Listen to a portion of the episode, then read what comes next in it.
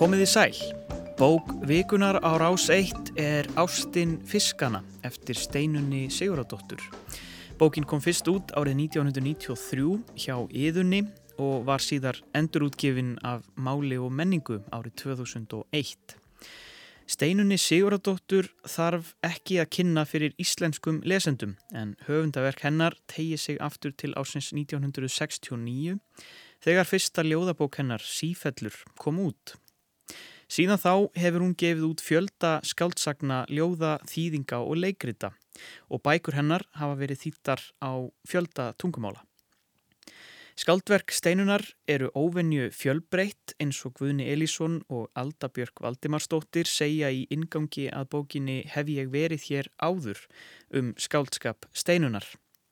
Þar segja þau að viðfangsefnin í bókonum séu ólík meðal annars tímin, ringar ás náttúrunar, vensl, ástar og dauða, árekstur lífs og dauðakvatar og þráinn í upprunan. Ástin fiskana er þriðja skáldsaga steinunar. Hún er í nóvellu lengt um 100 síður og skiptist ekki í kabla. Sagan hefst á tilvittnun í franska lífræðingin Cuvier í þýðingu Jónasar Hallgrímssonar, þaðan sem titill bókarinnar er fengin. Ástin fiskana er köld eins og sjálfur þeir. Sagan í ástinni fiskana hverfist um samöndu. Sjónarhornið er frá henni þegar að hún lýsir ástsinni á hans örleiksinni sem hún kynnist í útlöndum. Í gegnum söguna hittir hún hans á ólíkum tímaskeiðum en ástinn er óendurgoldin og lesendur fá aðeins draumkenda sín á það hver hans er í raun og veru. Honum bræður aðeins fyrir sem óáþreifanlegum skugga í lífi samöndu. Við skulum hefja umfjöllin okkar um ástina fiskana á því að heyra steinunni sjálfa lesa brot úr upphafi sögunar. Ég gekk fram á Hans Örlíksson á laugaveginum í gær. Hann hefur lagt af og mér finnst að klæðan betur. Ég heilsaði manninum en þóttstur á hraðferð. Það orðnir átta mánuðu sín ég sá hann í mýflugmynd líka á laugaveginum og næstum hálft ár frá því hann ringdi síðast kvöldi fyrir gamlástag. Ég ætlaði ekki að minna mig á þetta, heldur lesa próvarkir í næði, því vinnufélagarnir eru farnir í langan hátegismat á förstu degi. Þetta eru gömul indversk ástaljóð sem ég hef verið að detúa við að þýði nokkur ár. Ég sest í vinnustællingar með penna í hendi fyrir sé hvað hafa í rósirnar í glukkakistun eru nýpnar, svo ég fer á stjá til þess að vökva og týni svo af þeim ónýta knúpa og samanskroppin blóm. Af kattaleikvellinum sem er langur bakgarður með brotnum snúristaurum best kvínandi breym úr nýri njólabreiðu. Ég hangsa við gluggan og sé loðna róur likjast upp úr badnavagni sem stendur belgsýður við molnaðar tröppur innst í gardinum. Það er likjað engum dýrum á viðbyggingu við mjótt bárujátshús sem hefur lengi staði til að rýfa. Mér þætti sjónasviftir að þessu litla ljóta húsi og ég vildi óska að það fengi að standa í að blengi og ég við glukkan til að horfa á það. Ég nenni ómögulega að taka próarkirna til handagags. Sæki heldur þurft sérri í ískápin og nota næðið í vinnunni til þess að krota á velritunablöð. Ímsar útgáfur af svisneskum bjálkakofi með hjörtum og glukkarleirum og rifi upp söguna af hans örliksinni sem var svo skrítin á svipin á laugaveinum í gær. Þeirri sögu er lokið en hún hófst fyrir þremur árum á þessum ástíma upp á dag satt að segja, eitthvað á þessa leið. Ég var ein á daginn því vinir mínir unnu úti. Það voru litlir glukkar á íbúðinni sem var eiginlega upp í risi á hálgerðum kastala. Ég kallaði húsið mitt í huganum útibú frá aðalkastala. Hann trónir á hæðinni, myrkur og risavaksinn og ég horða á hann tímonum saman úr eldursklukanum mínum. Hann var eins og áframhald af klettinum sem hann stóð á, þó högvin út á annan hátt en þessi undirstaða og úr aðeins ljósari steintegund. Í vætu glansaði kolsvartur kletturinn og leit út fyrir að vera úr raptinu. Ég hafði verið á leiðinni að skoða kastalan innanverðan frá því ég kom. Einn daginn var ég komin upp 32 tröppur þegar ég snýri við því mér fannst þér á mikið sólskinn til þess að fara inn í kastala. Um leið hugsaði ég að þetta væri ekki beint raugrétt að því ég ætti sjálf heima í litlum kastala um þessar myndir. Þarna heyrum við brot úr upphafi Ástarinnar fiskana eftir steinunni Siguradóttur sem er bók Vikunar á Rás 1 og það var höfundurinn sem las. Hjá mér eru góðir gestir til að ræða þessa bók, svolítið nánar. Það eru þær Hlín Agnarsdóttir og Ragnhjörn Harpa Leifsdóttir. Velkonar báðatvar. Takk fyrir. Takk. Ef við byrjum bara á byrjuninni, mm. þarna heyrum við opnunar, opnunar línunar. Þetta byrja svolítið svona, það er svona rammafrásögn við erum í vinnustellingum og svo förum við inn í einhvern heim, svona svolítið ævintýralegan heim með, það eru kastalar og, og svona, ef við byrjum bara þér Ragnir, þú varst ekki búin að lesa bókina þegar ég baði um að koma, hvernig var þessi heimur fyrir þér, svona í fyrstu? Sko, fyrsti heimurinn sem hún opnar að hún segir náttúrulega nú ætlum ég að segja ykkur sögu Einmitt. og svo kemur næst því svona einusni var Mm -hmm. í þarna tilfinning og þetta er heimur sem er, veist, það er kastali, það er einhvern veginn hvít kalk, það eru páfuglar í gardinum þetta er einhver æfintýra heimur Mhm. sem hún er stödd í og svo eitna, hittu við ástina einhvern veginn, þar Mm sem er, e, það er þessi grunn uppskrift af æfintýri líka þú einhvern veginn ferð á stað eitthvað gerist sem hrýfur þig burt -hmm. um, er svona þú tekst á við dregan þú kemur heim eða Já. kemur ekki heim það er svolítið svona þannig, þessi svona æfintýra Mhm. hérna, við fyrir mútið Joseph Campbell með heiti sögunar Já, um, en hérna, þessi heimur virkaði að mér nú bara að vera að taka okkur inn í eitthvað æfintýri og þannig er þessi maður sem heitir Hans Örlegsson Já. sem ber með sér líka einhver svona örlög í kringum, kringum sig einmitt. Já. Og Hlín, þú kannski þekkir þessa bók svolítið, svolítið vel, má ég segja, bjaldan á milli kannski? Njá, ég vil nú ekki segja það en ég las hana fyrst þegar hún kom út 1993 og þá sem sagt uh, ég fekk hana í færtugs ammálskjöf Mm. frá hérna kollegum mínum uh, norður á Akureyri þar sem ég var að vinna í leikhúsinu. Og hérna ég las hana strax. Þetta er náttúrulega nóvela, þetta er stutt skáldsaga og ég bara tengdi mjög eh, fljótt við innihaldið sem mér fannst þá sko bara fjalla um þetta ástasamband samöndu sem er aðal persóna saga sögunar og, og Hans Örlikssonar sem að hún er í kynnist þarna í þessu kastala umhverfi þar sem hún er stödd. Og ég, mér fannst ég sjá í þessari sögu eh, kannski daldi mikið einhverja e, reynslu e, sem að ég kannast við sjálf. Það er að segja þetta ástasamband þar sem að maður veit ekki alveg hvort að maður er í sambandi við þann sem að maður er í sambandi við eða heldur að maður sé í sambandi við. Og, og, og, og það, sko, það, ég myndi mjög vel eftir þessari tilfinningu úr sögunni, sko, frá því þarna 1993 þegar að ég tók hann upp núna aftur og las hana fyrir þennan þátt. Og ég verð bara að segja að sko uh, ég las hana tvísasinnum daldi vel núna áður en að ég kom hingað og, og, og það er svo margt miklu dýbra og meira heldur en bara þetta, þessi litla ástasaga þetta fjallar um svo margt annað líka. En þessi persóna Samantha, hún er svona, maður kynnist henni í útlöndum, hún er með svona útlends nafn og, og, og svona framandi einhvern veginn. Og en hún þráir eitthvað rosalega heitt. Og maður fær það strax á tilfinningun, hún, hún lýsir þráni í, í, í, hérna, í hans og hún lýsir heimþrá til, heim til Íslands. Hver er þessi kona? Hvað svona já sko hún, hún er hún er, segist vera já, hún er að lesa prófarkir af indeskum ástæljum, hún vinnur hjá forlagi. Þannig hún er, hún er fæst við einhvers konar skriftir og það eh, fáum við að vita strax í byrjun og hún í raun og veru, þessi Samantha, hún í raun og veru færir okkur inn í þennan ævintýra heim sem þú varst að lýsa. Mm. þennan þar sem að í raun og veru Hans Örliksson þessi maður sem hún hefur þekkt í, í, já, hún þekkt hann í þrjú ár hún segir okkur söguna af þessum, þessum ástum og hún er skrifandi manneska greinilega. Og það svona má alveg hérna um, mað, maður fær það á tilfinninguna svona þegar maður er búin að lesa þessa sögu oftar en einu sinni að, að Samantha er að skrifa sjálf söguna, söguna af ástasambandi sínu við Hans Örliksson Við erum alveg inn í hennar frásögn. Við, við, Já, við fáum bara að vita hennar hlið. Hennar hún hlið. skrifar um leið svona sína sögu.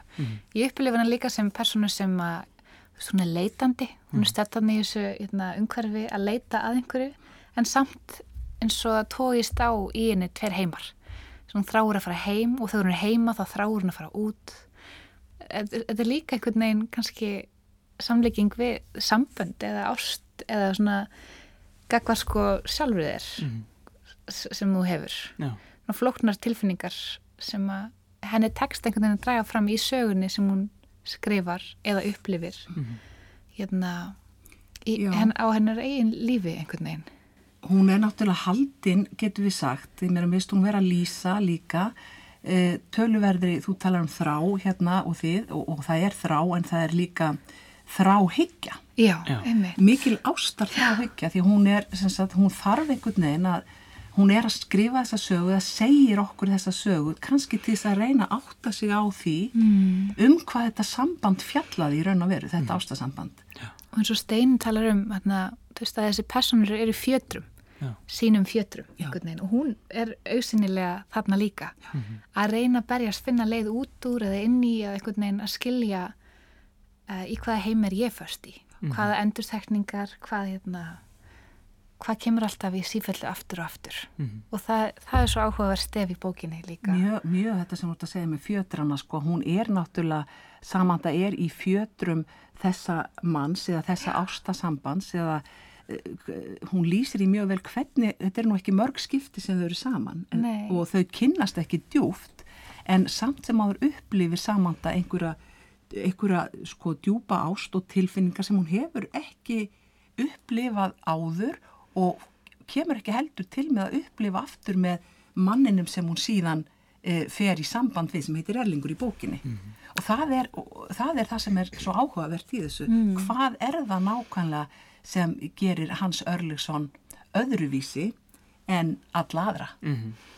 Hans Örlisson er líka, mér finnst það svona nafn eins og á prinsi einhver, Hans, ég sé fyrir mig svona já. ljósherðan sænskan mann. Mm, hún er líka líst þannig sem ljósaðum vikingi Já. hann kemur eins og rittarinn í hann söguna. kemur eins og, hann Já. er Já, í hann er rittarinn í sögunni. Prinsinn. Já, prin, hann er prinsinn, hann er rittarinn, hann kemur, hann kemur hann inn í þetta umhverfi, í þetta kastalumhverfi, þar sem að sagan hefst, eða sagan á honum hefst, þau kynnast í kastalumhverfi og þar með er Steinu náttúrulega búin að búa til einhvers konar þetta ævintýri, mm -hmm. setja okkur inn í þetta, þennan ævintýra heim, það er að segja skapa ástar, hún er að, hún er að leiða okkur inn í ástarævintýri. Mm. En sko, Já. hún er, hún er að setja okkur í stellingar eða sem við séum að lesa eh, ástarsögu. Við, við erum hérna í þessum svona æfintýra heimið, svona klassísku hlutir sem um að tengir við ástarsögur. En þetta er ekki ástarsaga.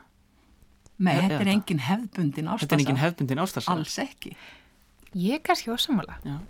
þetta er hérna ástarsaga sem ekkit endilega er hefðbundin en er sann saga af ást Mm.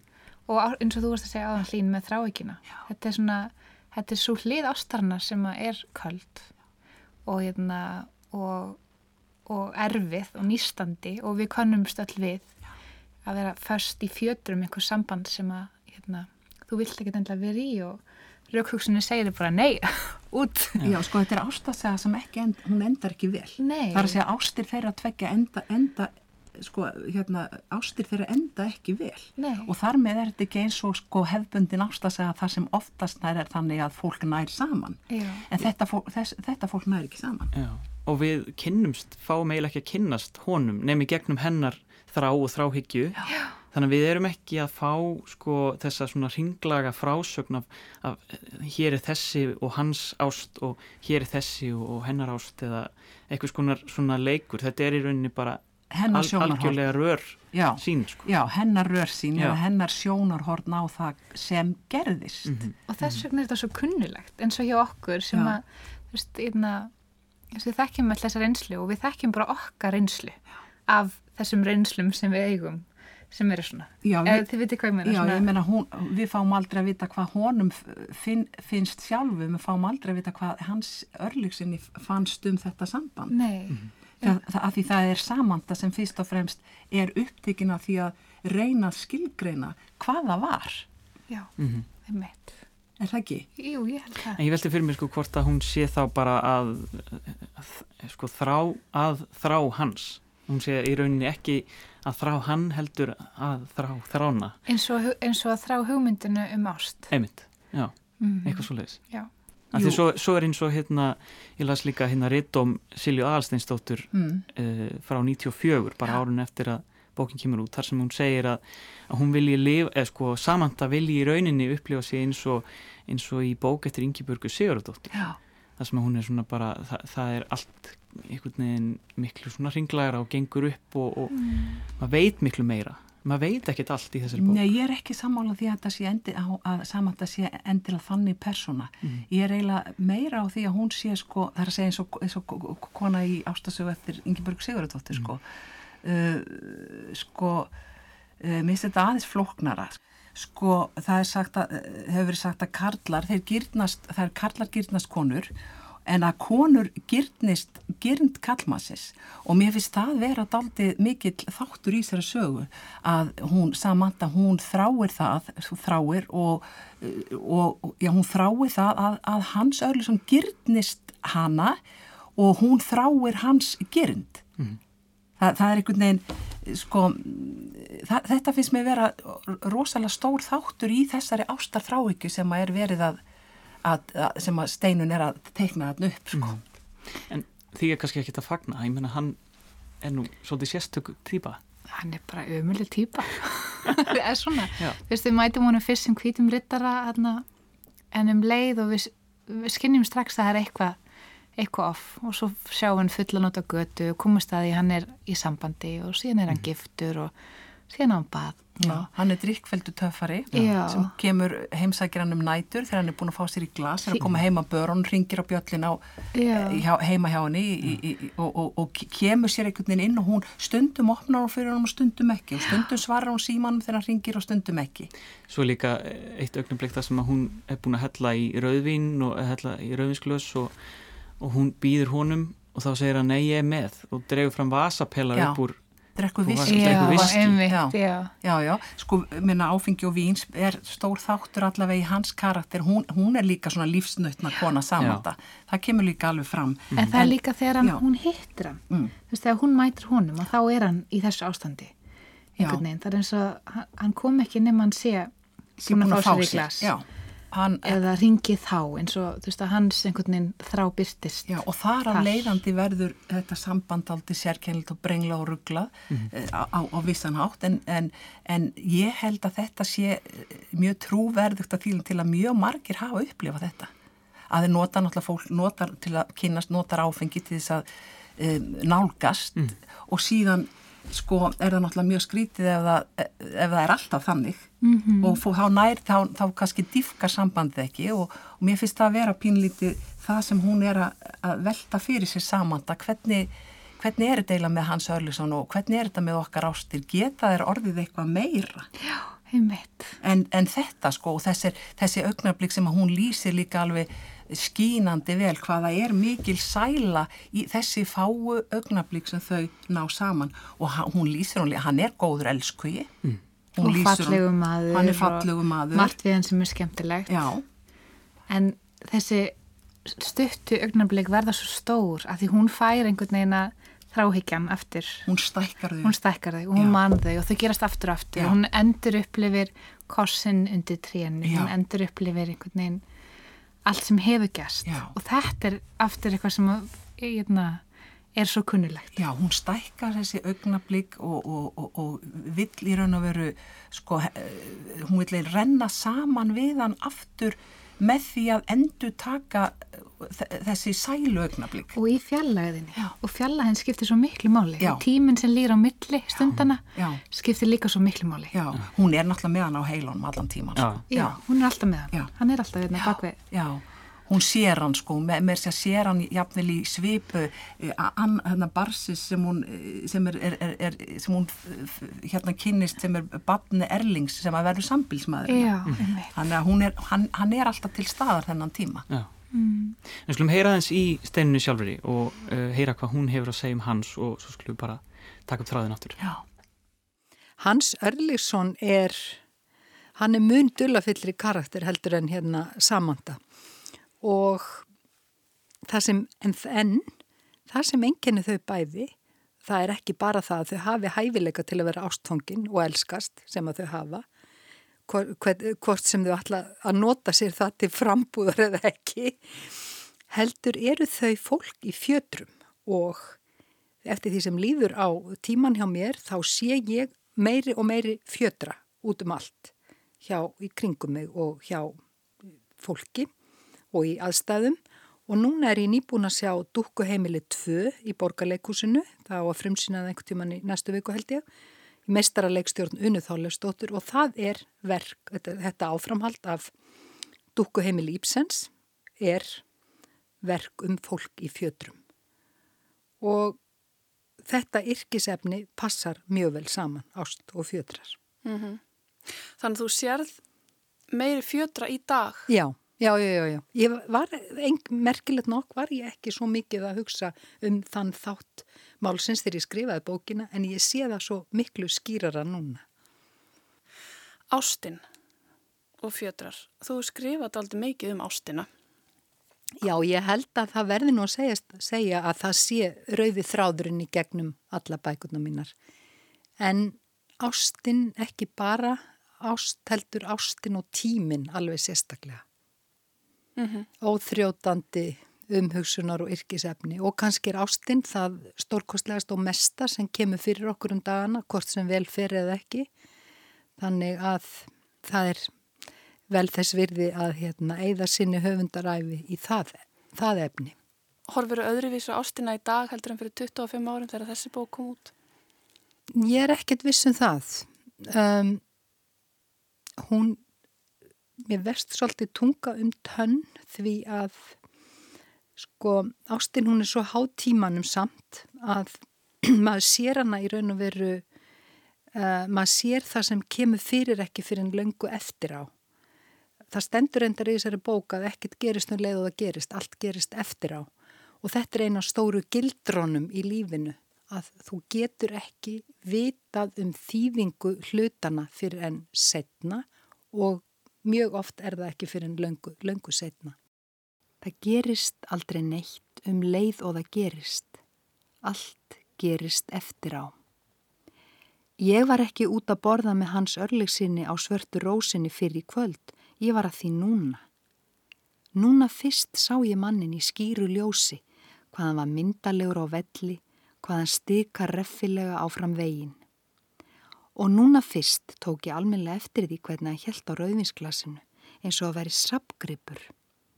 Hann hjælt um stilkin þjætt en varlega og rýndi í vínið eins og spákona í kristalkúlu. Hann hafði ymmit látið nokkur orð falla um vínið í viðfrétta stíl talað eins og það veri lífandi manneskja með framtíðina fyrir sér. Steinun Sigurdóttir las úr bókinni Ástin Fiskana sem er bókvikunar og þar aður heyrðum við í, í viðtali við uh, hana í viðtali við Höllu Harðardóttur í Víðsjá.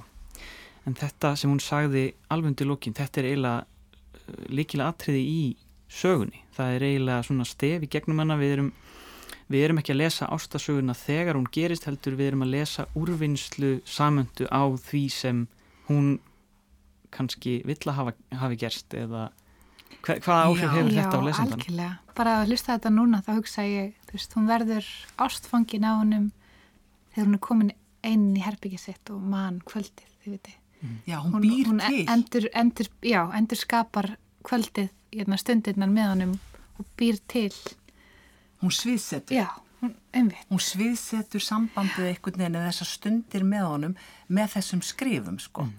Það held ég að sé alveg, alveg á hreinu og einmitt þetta eins og hún segir að hlutirnir sem að þeir gerast ekki þegar þeir gerast heldur gerast þeir eftir og þeir gerast í okkar endur minningu við, hvernig við minnumst þeirra eða munum þá og hvernig við viljum líka sjá þá.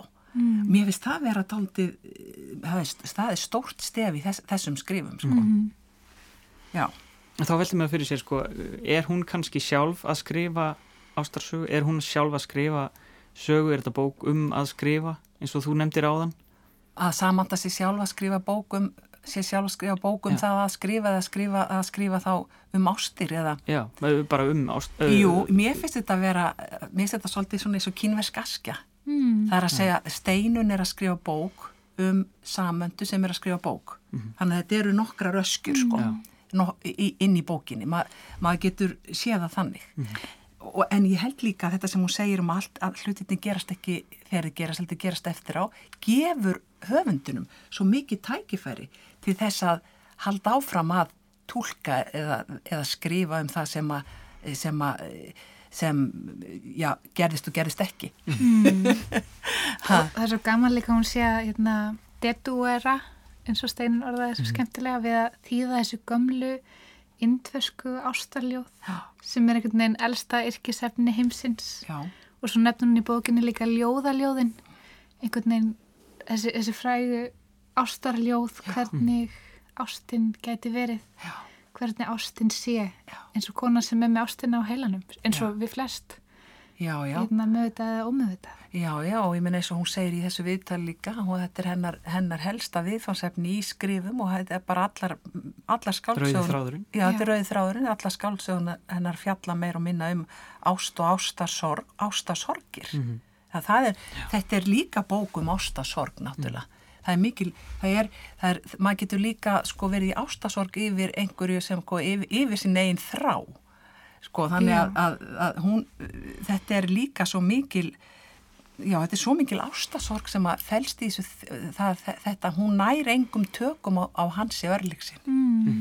og það því það kannski, kannski nærmar aldrei tökum á því sem að við höfum, við gerum okkur ykkur í hugalund hvað sé sönn ást og svo framveist, ég meina kannski nærmar aldrei tökum á því. Mm. Og líka svo fallet sem hún talar um að ást, ástinn fiskarna, kalda Já. ástinn sem er svo kalda, hún eðilegst aldrei. Já.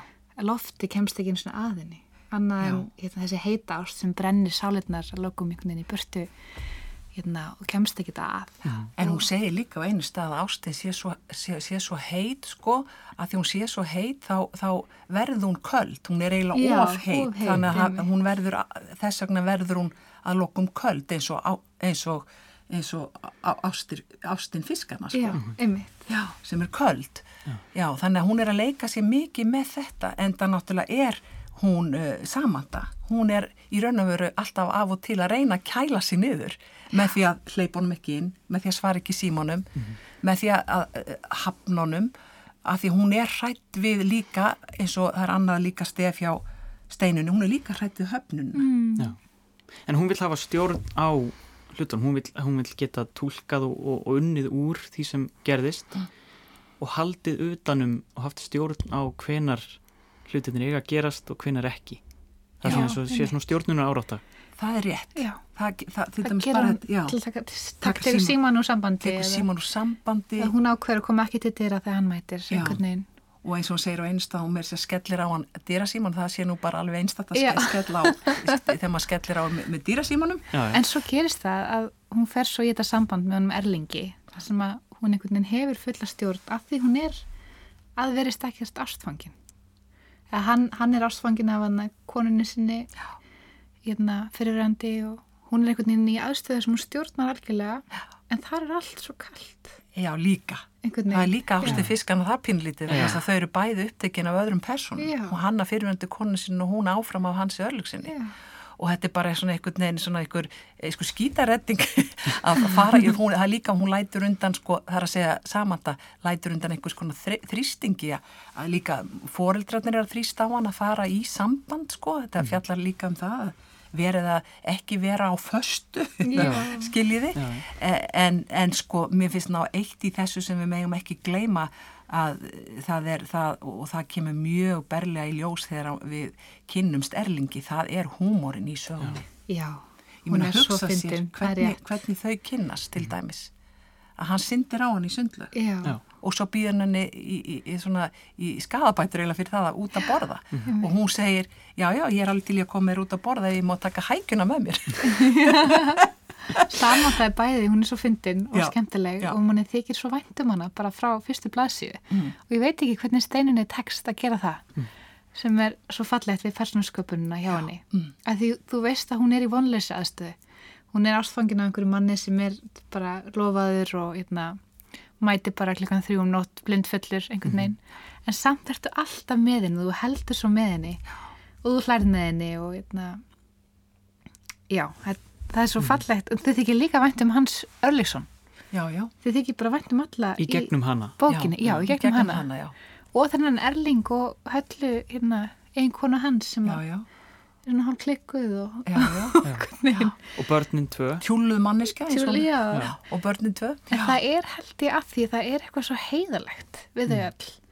Þú Já. einhvern veginn sérð brestina svo skýrt. Já, og hérna, hún skrifar þau á svo einhvern veginn það er ekkert eitthvað svona fluff eða páfugla fjæðrir hérna eitthvað Nei. efjast fyrir, það er, það er bara mjög heiðarlegar manneskjur sem eru í algjörum vandræðum með sjálfa sig í einhverjum fjötrum eða hérna, einhverju leit. Já, og það er það sem að flótta resonerar svo vel, já, Já. og flótta, klárlega, alltaf að flýja aðstæður sem þú stýi einhvern Já. veginn. En það er eitthvað sem við könnum svo fallega við. Og þú nefndi líka tvær aðrar personur sem við hefum ekki rætt. Það eru foreldrar samöndu. já, einmitt. Og í upphafi sögunar þá ringir hún í mömmu sína og, og, það sem að, og þá eru þau hjónin búin að vera í sumabústað og, og það er logn heima og, og allt voða gott. Og hún sér kannski eitthvað skonar jafnvægi í, í þeirra hjónabandi. Hvernig horfir hún á þeirra? já, hún sko allavega er að móðurinn að segir að, að það sé sko að því að samant er svona kannski svolítið eh, ekkit mjög hérna, trúið á, á hamingju samt hjónabandi þá segi, segir mammin að sjá okkur við erum hérna hamingju sem og það virðist Já. vera þannig að þau láta sér allavega þann, þau eru í þessu sko þau láta sér næja hjónabandið og, og kannski þá um, þá rútínu sem í raun og veru öll ástasambönd enda í það er að segja þegar að tilhúa lífinu kannski líkur að því þarf ekki alltaf að ljúka en, en ég meina þau eru foreldra samöndu er, er þessi hjón sem eru búin að bara sætta sig við það að svona sé nú bara lífið og þau eru bara nokkuð hamingisum með hvort annað og eiga bara þessa einu dóttur og vilja endilega náttúrulega eh, að dóttir þeirra verða hamingisum og, og komist í eitthvert almennlegt samband. Og þetta eru mjög eh, fallegar lýsingar á eh, sambandi eh, samöndu dótturina við foreldrana sem eru sem hafa greinlega reynstinni mjög vel og viljin allt það besta. Mhm.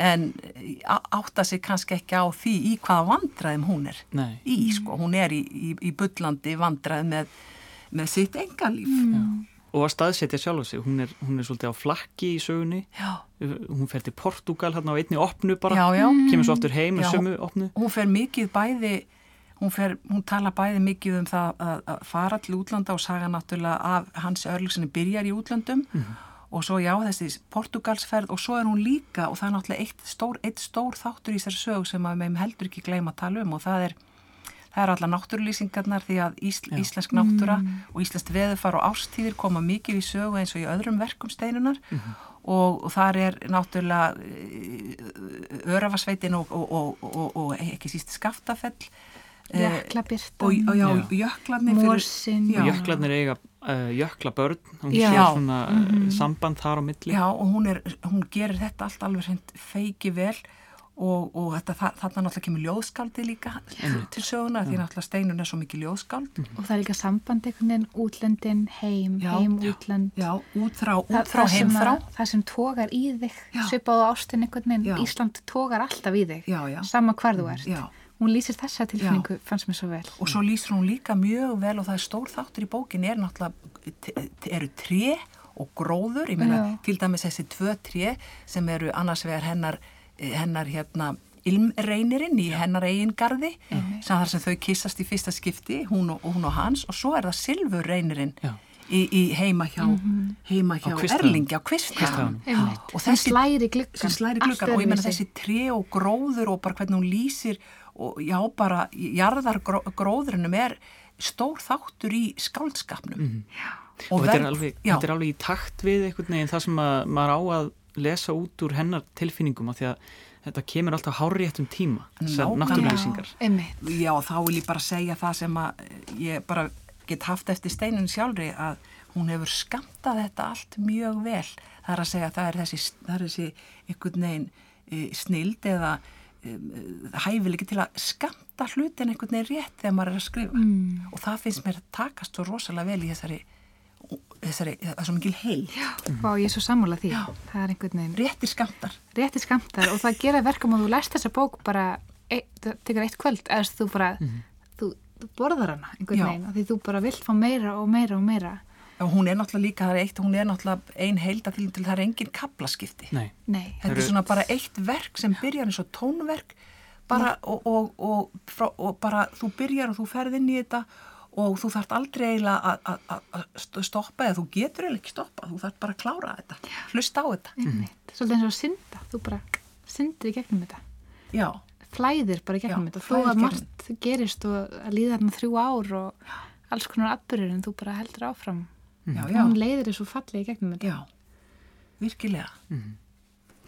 hvað hérna hvað getur við sagt svona að lokum um þessa bók Hva, ef við setjum hana kannski bara í nú eru 25 ár síðan að hún kom út fyrst Já.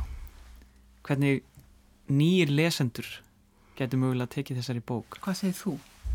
Já, nú er ég að lesa hana náttúrulega Já. í fyrsta skipti. Já. Ég las hana tvisvar um, til að koma hinga og ég einhvern veginn, mér brá að hún, ég vissi ekki að hún hefur skriðið fyrir 25 árum. Mm. Eftir fyrsta lesturinn fór ég að skoða bara, byrju, já, hvenar, nei, byrju, ha? 25 ár síðan? Já. Mér datta ekki hug.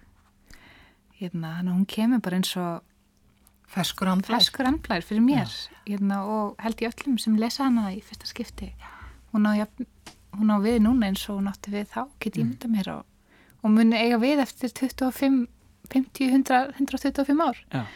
hérna, að því þetta er efni sem er hérna, eilíft og, hérna, og personur sem eru heiðarlegar og hérna, við sjáum aftur aftur. Mhm. þannig að ég held að þessi bóki eftir eldast vel eins og og er, gott vín. Ja, það er alltaf eitthvað nýtt. Það er alltaf eitthvað nýtt bræð Já. Já, og hérna, og þetta er náttúrulega sko, saga, þetta er náttúrulega sko, náttúrulega ævafort þema sem hún er að skrifa um, um ástina í meinum, ást í meinum.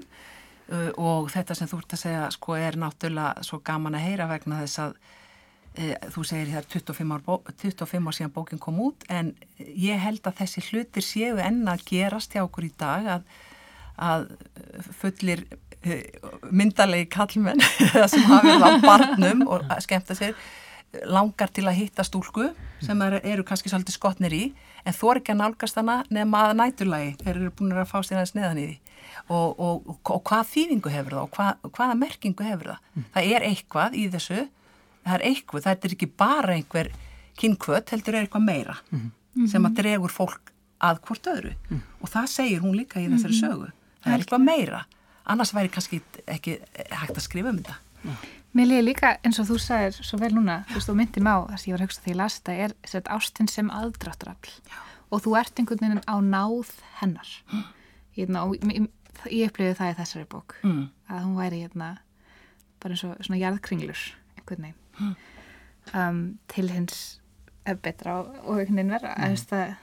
gott og slæmt að það gerist stöðu ringsóli einhvern veginn og Já, og hvað mikið skiljast ekki að Nei, og hvað mikið af ástinni sem þú upplifir er ímyndin. Eða, eða gerist hjá sjálfur þér í hugaðin Já, þú sem þessi bók er svolítið, þetta er hún er akkurat það. Eins og til dæmis brottnámið í bó- bókinni. Já, Já. upp á Kjalarnes. Já, upp á þú, veist, þú veist aldrei hvort þetta er draumur eða svona Eða hvort alveg þetta rétt eða skáldskapur, þetta er samanda að skrifa skáldskap, uh, ímynda sér hluti, ímynda sér senur, það gerum við líka þegar við erum ástfangin. Og við fáum ekki fullnægi okkar með Já. þeim sem við elskum, við getum ekki, að því hann er kannski giftur, einmitt, þá sviðsetjum við hugunum okkar f- ástarfund og það gerur hún, hún er að sviðsetja hún ástarfundi, gera það svo vel Já. og það skiptir yngur máli hvort þetta sé sé satt eða satt logið. eða ekki, það skiptir Nei, yngur máli vegna þess að því að, það gerist og það hefur gerst Já. og það er bara Já. heldur áfram að Já. gerast aftur og aftur Ástin er sviðsetning Já, í þessari bók er í hún þessari bók. Já. tölvert mikil sviðsetning sko. Já. Já. Og hún gerist hérna fyrir innan, einhvern veginn jafn mikið og fyrir utan. Já. Ég held að við ættum að hafa þetta bara að loka orðin. Já. Takk hjá fyrir komina Hlín Agnarsdóttir og Ragnhildur Harpa Leifsdóttir. Takk fyrir okkur. Bókvikunar er þar með á enda en að þessu sinni var að skáldsagan Ástin Fiskana eftir steinunni Sigurðardóttur. Hægt er að hlusta á ítalegri viðtöl og eldri þætti á rú.is skástrík bókvikunar og þættirnir eru aðgengilegir í hlaðvarps appinu. Takk fyrir að hlusta og verið sæl.